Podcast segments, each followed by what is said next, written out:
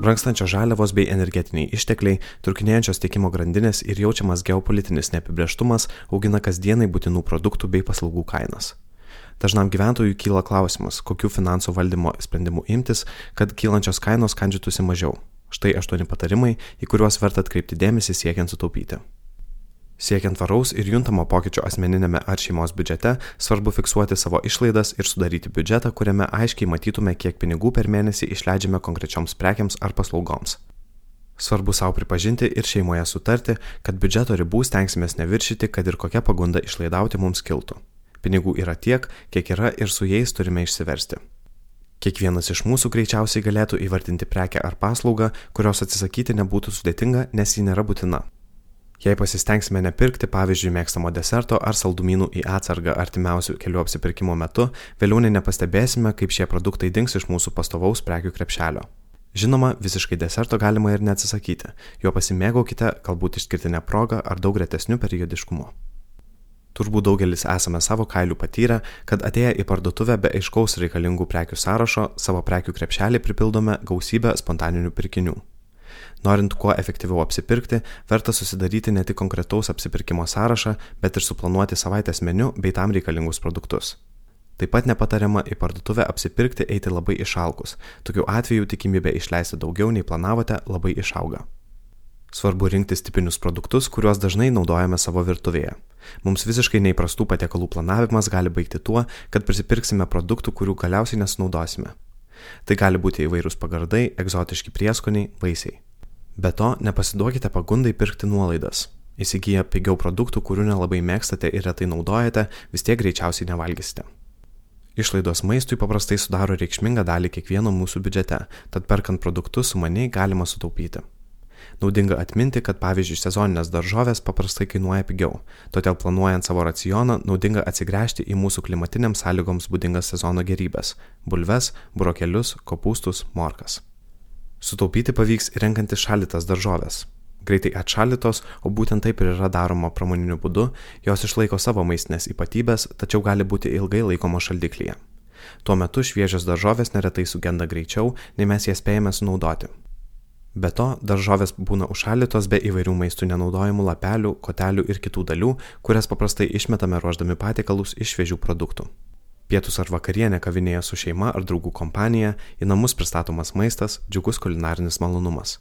Vis dėlto valgymas ne namuose ar maisto išsakymas jūsų biudžetui atsieina gerokai brangiau nei maisto gaminimas namuose.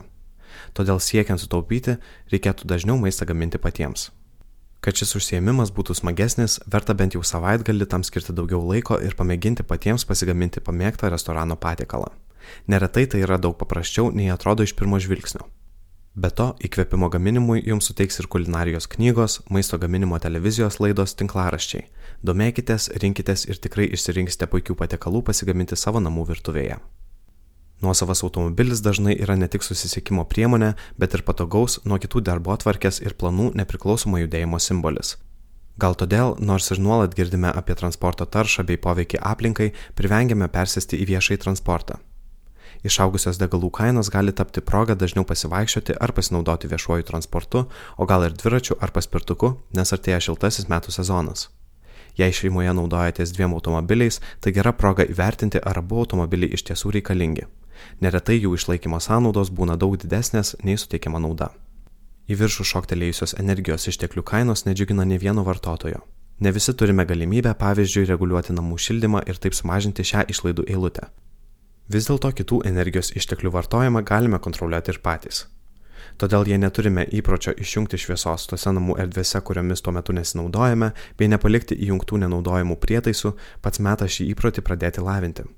Svarbu per reikalo nepalikti ir tekančio vandens, pavyzdžiui, valantis dantis, ir įsitikinti, kad jį naudojame efektyviai. Filmai, serialai, muzika, knygos. Daugelis šių dalykų yra prieinami nemokamai, už dalį turime mokėti vienkartinį ar periodinį mokestį. Norint sutaupyti šioje srityje, reikėtų peržiūrėti turimas įvairių platformų prenumeratas bei pagalvoti apie pigesnės ar nemokamas jų alternatyvas. Vos baigę studijas, daugelis paskutinį kartą užverėme bibliotekos duris ir ten daugiau nekeliame kojos. Tačiau tai puikia alternatyva tiek fiziškai knyginė įsigijamoms knygoms, tiek elektroninių knygų platformų prenumeratoms. Nors ir su kartais kiek erzinančiais reklaminiais intarpais, muzikos platformos taip pat gali būti pasiekiamos nemokamai. Serialų ir filmų platformų prenumeratos būtinybę vienareikšmiai verta persvarstyti tada, jei namuose turime televizijos paslaugą. Galbūt verta kooperuoti su draugais ir artimaisiais ir daryti serialų ar filmų peržiūras, turint vieną Netflix paskirtą. Pavasaris yra tas metų laikas, kai norisi atsišviežinti visomis prasmėmis. Taip pat ir atnaujinant garderobą. Tačiau prieš leidžiant pinigus naujiems drabužiams, batams ir aksesuarams, pravartu peržiūrėti jau turimus. Tikėtina, kad spintoje rasime seniai, o gal net ir niekada nedėvėtų savo ankstesnių pirkinių. Kokybiškus, tačiau mūsų pačių nebedžiuginančius daiktus naudinga pamėginti parduoti per įvairias tam skirtas platformas. O ir būtinybę įsigyti naujus reikėtų apgalvoti du kart. Iš tiesų naujus drabužius ir kitus aprangos elementus protingiausia pirkti todėl, kad turime sudėvėti, o ne todėl, kad norisi. Tai ne tik būdas taupyti, bet ir galimybė tausoti aplinką.